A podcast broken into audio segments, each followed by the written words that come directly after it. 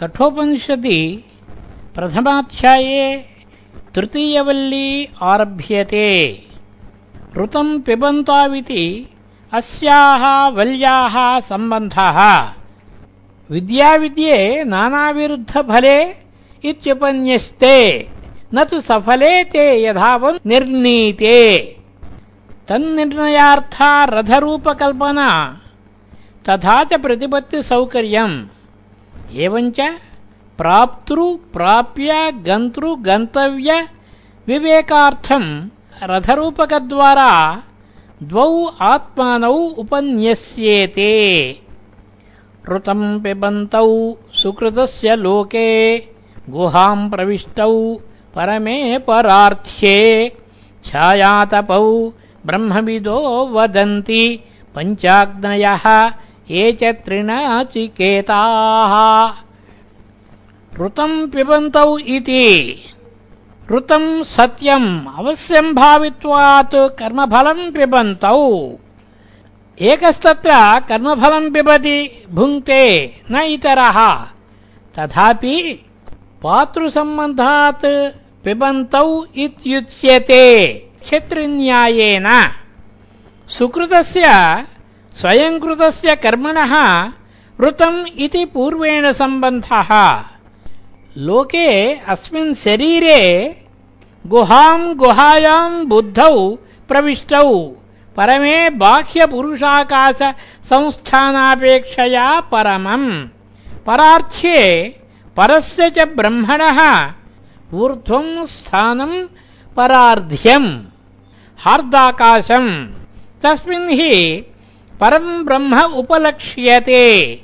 तस्मिन् परमे परार्थ्ये हार्दाकाशे प्रविष्टौ इत्यर्थः।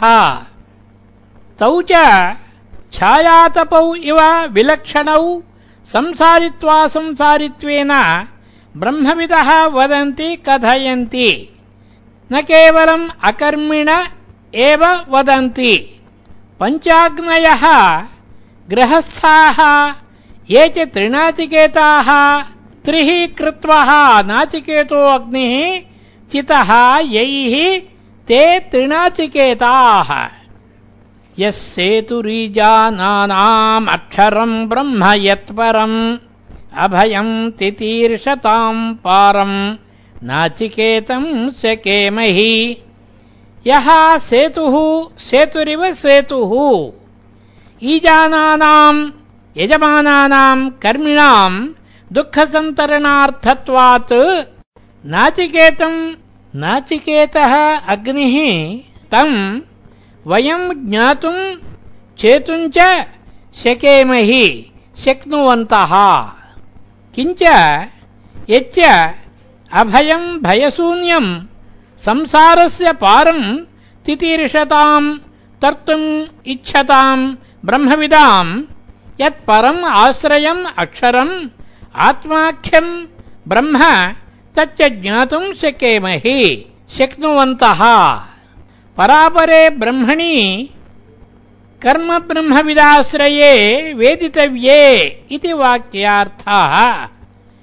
एतयोरेव हि उपन्यासः कृतः ऋतम् पिबन्ताविति तत्र यः उपाधिकृतः संसारी विद्याविद्ययोः अधिकृतः मोक्षगमनाय, संसारगमनाय च तस्य तदुभयगमने साधनः रथः कल्प्यते इत्याह। आत्मानम् रथिनम् विद्धि शरीरम् रथमेव तु बुद्धिम् तु सारथिम् विद्धि मनः प्रग्रहमेव च आत्मानम् ऋतपम् संसारिणम् रथिनम् रथस्वामिनम् विद्धि विजानीहि शरीरम् रथमेव तु रथबद्ध हयस्थानीयैः इन्द्रियैः आकृष्यमाणत्वात् शरीरस्य बुद्धिम् तु अध्यवसायलक्षणाम् सारथिम् विद्धि बुद्धिनेतृप्रधानत्वात् शरीरस्य सारथिनेतृप्रधान इव रथाः सर्वं हि देहगतं कार्यं बुद्धिकर्तव्यमेव प्रायेण। मनः सङ्कल्पविकल्पादिलक्षणं प्रग्रहमेव च, रचनामेव विद्धि। मनसा हि प्रगृहीतानि श्रोत्रादीनि करणानि प्रवर्तन्ते। रचनया इव इन्द्रियाणि हयानाहुः। विषयांस्तेषु गोचरान्। आत्मेन्द्रियमनोयुक्तम् भोक्तेत्याहुर्मनीषिणः इन्द्रियाणि च चक्षुरादीनि हयान् आहुः। रथकल्पनाकुशलाः। शरीररथाकर्षणसामान्यात्। तेष्वेव इन्द्रियेषु हयत्वेन परिकल्पितेषु गोचरान् मार्गान् रूपादीन् विषयान् विद्धि। आत्मेन्द्रियमनोयुक्तम्, शरीरेन्द्रियमनोभिः सहितम्, संयुक्तम् आत्मानम् भोक्ता इति संसारी इत्याहुः मनीषिणो विवेकिनः। न हि केवलस्य आत्मनः भोक्तृत्वम् अस्ति। बुद्ध्याद्युपाधिकृतमेव तस्य भोक्तृत्वम्। तथा च श्रुत्यन्तरम् केवलस्य अभोक्तृत्वमेव दर्शयति, ध्यायति वा, लेलायति वा, इत्यादि। एवञ्च सति वक्ष्यमाणरथकल्पनया वैष्णवस्य पदस्य आत्मतया प्रतिपत्तिः उपपद्यते। नान्यथा स्वभाव अनतिक्रमात्।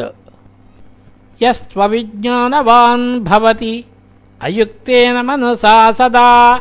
तस्येन्द्रियाण्यवस्यानि दुष्टास्वा इव सारथेः। तत्र एवं सति। यस्तु बुद्ध्याख्यः सारथिः। अविज्ञानवान् न निपुणः अविवेकी। प्रवृत्तौ च निवृत्तौ च भवति। यथा इतरः रथचर्यायाम् अयुक्तेन अप्रगृहीतेन असमाहितेन मनसा प्रग्रहस्थानीयेन सदा युक्तः भवति। तस्य अकुशलस्य बुद्धिसारथेः इन्द्रियाणि अस्वस्थानीयानि अवश्यानि अशक्यनिवारणानि दुष्टाश्वाः अदान्ताश्वा इव इतरसारथेः भवन्ति। यस्तु विज्ञानवान् भवति। युक्तेन मनसा सदा।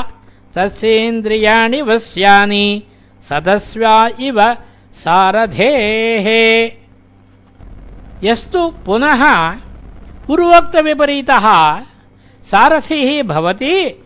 विज्ञानवान्, निपुणः, विवेकवान् ಯುಕ್ತೇನ ಮನಸಾ ಪ್ರಗೃಹೀತ ಮನಾಹ ಸಮಾಹಿತ ಚಿತ್ತ ಸದಾ ತಸ್ಯ ಅಸ್ವಸ್ಥಾನೀಯಾನಿ ಇಂದ್ರಿಯಾಣಿ ಪ್ರವರ್ತಯಿತು ನಿವರ್ತಯಿತು ವಾ ಶಕ್ಯಾನಿ ವಶ್ಯಾನಿ. ದಾಂತಾ ಸದಸ್ಯ ಇವ ಇತರ ಸಾರಧೇ ತತ್ರ ಪೂರ್ವೋಕ್ತಸ್ಯ ಅಭಿಜ್ಞಾನವತಃ ಅಬುದ್ಧಿಸಾರಧೇಃ ಇದಂ ಫಲಮಾಹ. తత్ర పూర్వోక్తస్య అవిజ్ఞానవతः అబుద్ధిసారథేः ఇదం ఫలమాహ యస్త్వవిజ్ఞానవాన్ భవతి అమనస్కः సదా శుచిः న స తత్పదమాప్నోతి సంసారం చాధిగచ్చతి యస్తు అవిజ్ఞానవాన్ భవతి అమనస్కः అప్రగృహీతమనస్కः సహ తత ఏవ అశుచిः సదైవ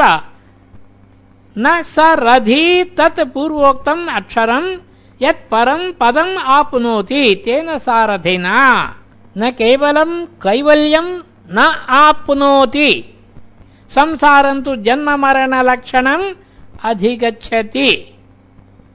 यस्तु विज्ञानवान् भवति। समनस्कः सदा शुचिः।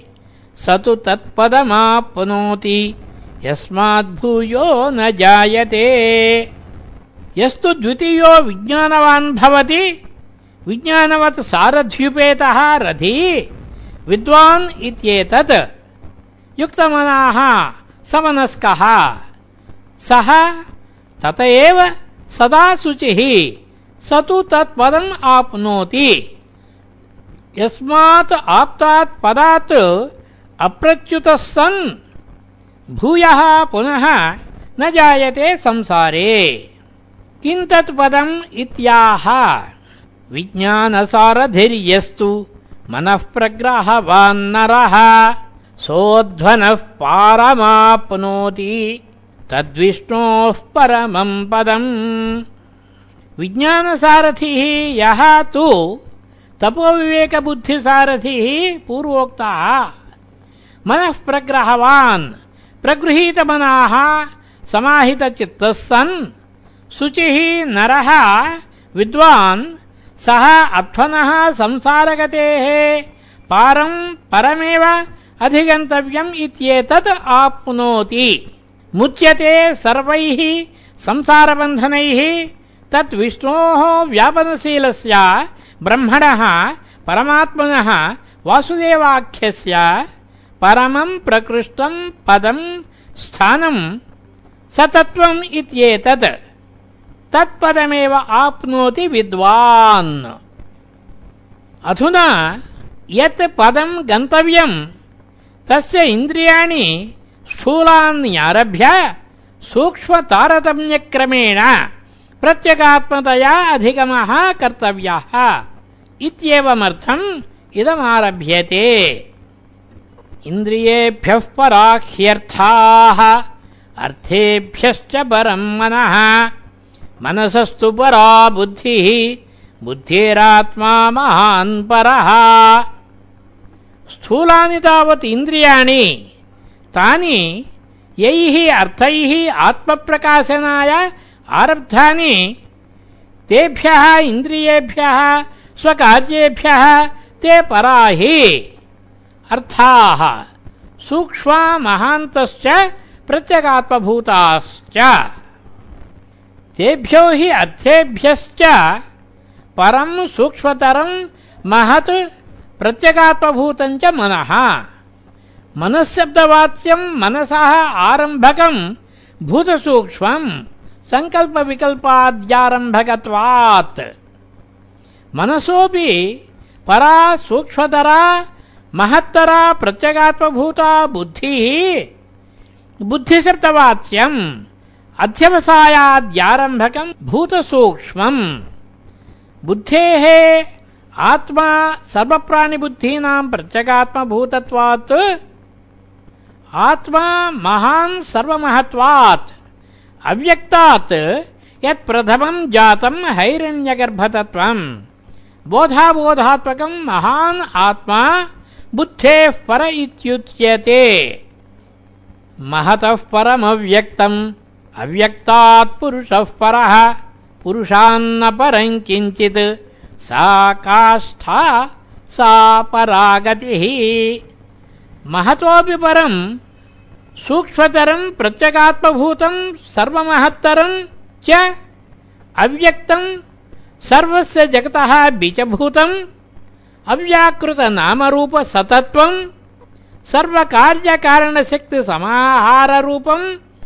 అవ్యక్తం అవ్యక్తవ్యాకృతాకాశాది నామవాచ్యం పరమాత్మని ఓతప్రోతభావేన సమాశ్రితం వటకణికాయామివ వటవృక్షశక్తి.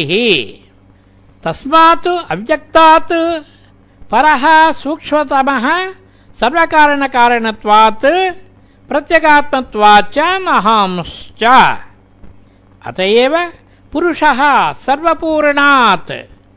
ततः अन्यस्य परस्य प्रसङ्गम् निवारयन् आह। पुरुषान्न परम् किञ्चित् इति।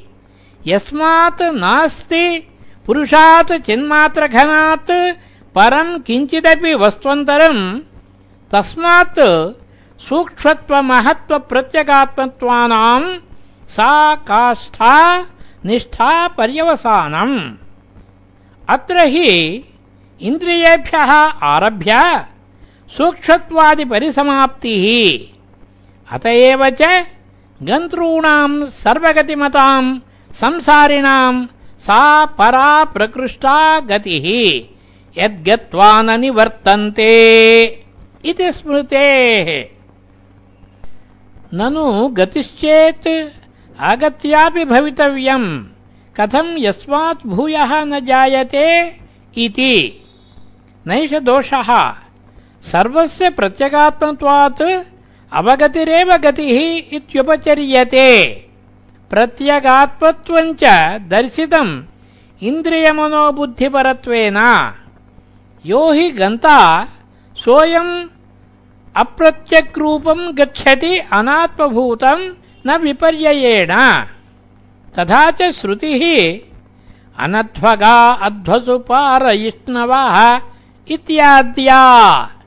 तथा च दर्शयति प्रत्यगात्मत्वम् सर्वस्य। एष सर्वेषु भूतेषु गूढोत्मा न प्रकाशते दृश्यते त्वग्रिया बुद्ध्या, सूक्ष्मया सूक्ष्मदर्शिभिः। ఏషः పురుష సర్వేషు బ్రహ్మాదిస్తంభపర్యంతేషు భూతూ గూఢ సవృత దర్శనశ్రవణాదికర్మా అవిద్యా మాయాచ్ఛన్న. అత ఆత్మా న ప్రకాశతే ఆత్మత్వేన కస్యచిత్. అహో అతి గంభీరా దురవగాఖ్యా విచిత్రా మాయా చ ఇయం.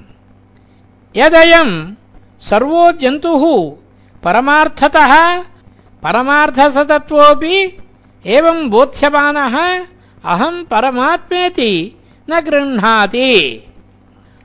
अनात्मानम् देहेन्द्रियादिसङ्घातम् आत्मनः दृश्यमानम् अपि घटादिवतु। आत्मत्वेन अहममुष्यपुत्रः इत्यनुच्यमानोऽपि गृह्णाति। नूनम् परस्यैव मायया मोमुह्यमानः सर्वो लोकः अयम् बम्भ्रमीति तथा च स्मरति। नाहम् प्रकाशः सर्वस्य योगमाया समावृतः इत्यादि। ननु विरुद्धमिदमुच्यते मत्वा धीरो न शोचति न प्रकाशते इति च। नैतदेवम् असंस्कृतबुद्धेः अविज्ञेयत्वात् न प्रकाशते इत्युक्तम्। दृश्यते तु संस्कृतया, अग्रियया, अग्रमिव अग्रिया। तया, एकाग्रतया, उपेतया इत्येतत्। सूक्ष्मया, सूक्ष्मवस्तु निरूपणपरया। कैः? सूक्ष्मदर्शिभिः। इन्द्रियेभ्यः पराह्यर्थाः इत्यादि प्रकारेण सूक्ष्मतापारम्पर्यदर्शनेन परम् सूक्ष्मम् द्रष्टुम् शीलम् येषान्ते सूक्ष्मदर्शिनः। तैः सूक्ष्मदर्शिभिः पण्डितैः इत्येतत्। तत्प्रतिपत्युपायम् आह। यच्छेद्वाङ्मनसि प्राज्ञः। तद्यच्छेज्ञान आत्मनि, ज्ञानमात्मनि महति नियच्छेत्। तद्यच्छेच्छान्त आत्मनि।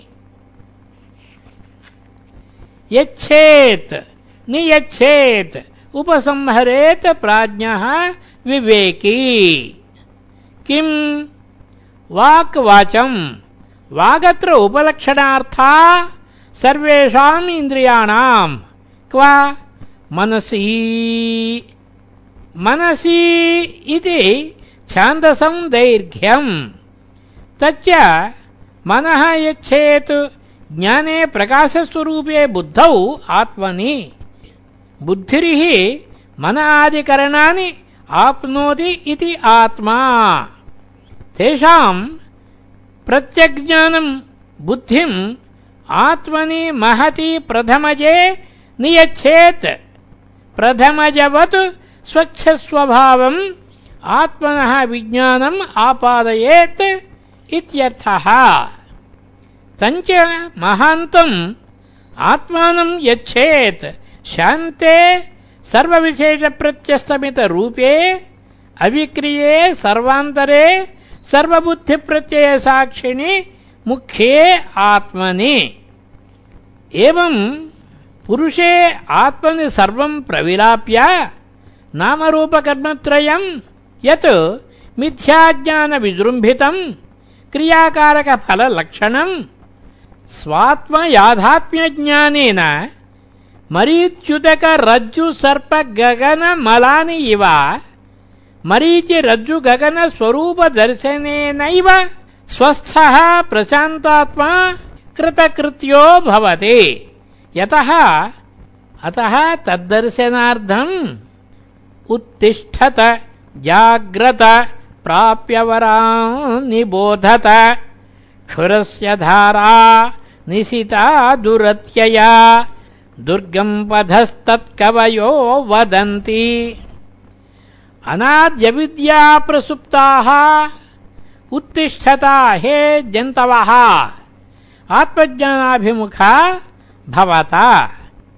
जाग्रत अज्ञाननिद्रायाः घोररूपायाः सर्वादर्थबीजभूतायाः क्षयम् कुरुत। कथम्? प्राप्य उपगम्य वरान् प्रकृष्टान् आचार्यान् तद्विदः तदुपदिष्टम् सर्वान्तरम् आत्मानम्। अहमस्मि इति निबोधत अवगच्छत न ह्युपेक्षितव्यम् इति श्रुतिः। अनुकम्पया, आह, मातृवत्। अतिसूक्ष्मबुद्धिविषयत्वात् विज्ञेयस्य किमिव सूक्ष्मबुद्धिरिति? उच्यते। क्षुरस्य धारा अग्रम् निशिता, तीक्ष्णीकृता, दुरत्यया, दुःखेन अत्ययः, यस्याः सा दुरत्यया। यथा सा पद्भ्याम् दुर्गमनीया तथा दुर्गम् दुःसम्पाद्यम् इत्येतत्। पथः पन्धानम् तत्त्वज्ञानलक्षणम् मार्गम् कवयः मेधाविनः वदन्ति। ज्ञेयस्य अतिसूक्ष्मत्वात् तद्विषयस्य ज्ञानमार्गस्य दुःसम्पाद्यत्वम् वदन्ति। इत्यभिप्रायः। तत् कथम् अतिसूक्ष्मत्वम् ज्ञेयस्य इति उच्यते। स्थूलातावदीयम् मेदिनी शब्दस्पर्शरूपरसगन्धोपचिता सर्वेन्द्रियविषयभूता तथा शरीरम्। तत्र एकैकगुणापकर्षेण गन्धादीनाम् सूक्ष्मत्वमहत्व विशुद्धत्व नित्यत्वादि तारतम्यम् दृष्टम्। अबादिषु यावदाकाशम् ते गन्धादयः सर्वे एव स्थूलत्वात् विकाराः। शब्दान्ताः। यत्र न सन्ति किमु तस्य सूक्ष्मत्वादिनिरतिशयत्वम् वक्तव्यम्? इत्येतद्दर्शयति श्रुतिः।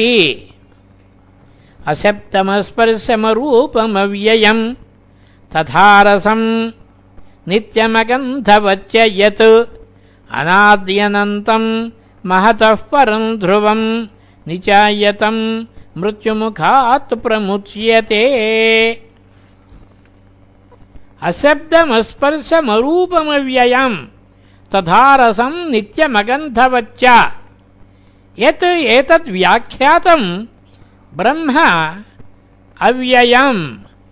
यद्धि शब्दादिमतु तत् व्येति इदम् तु अशब्दादिमत्वात् अव्ययम् न व्येति न क्षीयते अत एव च नित्यम् यद्धि व्येति तदनित्यम् इदम् तु न व्येति अतः नित्यम् इतश्च नित्यम् अनादि अविद्यमानः आदिः कारणम् यस्य तदिदम् अनादि। यच्च आदिमतु तत् कार्यत्वात् अनित्यम् कारणे प्रलीयते यथा पृथिव्यादि। इदम् तु सर्वकारणत्वात् अकार्यम् अकार्यत्वात् नित्यम्। न तस्य कारणमस्ति यस्मिन् लीयेत। तथा अनन्तम् अविद्यमानः अन्तः कार्यम् यस्य तदनन्तम् यथा कदल्यादेः फलादिकार्योत्पादनेनापि अनित्यत्वं दृष्टम्। न च तथाप्यन्तवत्वं ब्रह्मणः अतोऽपि नित्यम्। महतः महत्तत्वात् बुद्ध्याख्यात् परं विलक्षणं नित्यविज्ञप्तिस्वरूपत्वात्। सर्वसाक्षिः सर्वभूतात्मत्वात् ब्रह्मा उक्तं हि, एष सर्वेषु भूतेषु इत्यादि। ध्रुवञ्च कूटस्थम् नित्यम् न पृथिव्यादिवत आपेक्षिकम् नित्यत्वम्। तदेवम् भूतम् ब्रह्मात्मानम् निचाय्य अवगम्य। तम् आत्मानम् मृत्युमुखात्, मृत्युगोचरात् अविद्याकामकर्म प्रमुच्यते, विमुच्यते। प्रस्तुत विज्ञानस्तुत्यर्थम् आह श्रुतिः। नाचिकेतमुपाख्यानम्, मृत्युप्रोक्तम् सनातनम्, उक्त्वा श्रुत्वा च मेधावी। ब्रह्मलोके महीयते। नाचिकेतम्, नचिकेतसा प्राप्तम्। नाचिकेतम् मृत्युना प्रोक्तम्, मृत्युप्रोक्तम्, इदम् आख्यानम्, उपाख्यानम्, वल्लीत्रयलक्षणम्, सनातनम्, चिरन्तनम्, वैदिकत्वात् उक्त्वा ब्राह्मणेभ्यः, श्रुत्वा आचार्येभ्यः, मेधावी ब्रह्मैव लोकः, ब्रह्मलोकः। तस्मिन् ब्रह्मलोके महीयते। आत्मभूतः उपास्यः भवति इत्यर्थः। य इमम् परमम् गुह्यम् श्रावयेत् ब्रह्म संसदि प्रयतश्राद्धकाले वा। तदानन्त्याय कल्पते तदानन्त्याय कल्पते इति। यः कश्चिदिमम् ग्रन्थम् परमम् प्रकृष्टम् गुह्यम् गोप्यम् श्रावयेत् ग्रन्थतः अर्थतश्च ब्राह्मणानाम् संसदि ब्रह्मसंसदि प्रयतः शुचिर्भूत्वा श्राद्धकाले वा श्रावयेत् भुञ्जानाम् तच्छ्राद्धम् अस्य आनन्त्याय, अनन्तफलाय कल्पते, सम्पद्यते। द्विर्वचनमध्याय परिसमाप्त्यर्थम्। इति श्रीमत्परमहंस परिव्राजकाचार्य गोविन्द भगवत्पूज्यपादशिष्य श्रीमदाचार्य श्रीशङ्करभगवतः कृतौ कठोपनिषद्भाष्ये प्रथमाध्याये तृतीयवल्लीभाष्यम् समाप्तम् इति कठोपनिषदि प्रथमोऽध्यायः समाप्तः।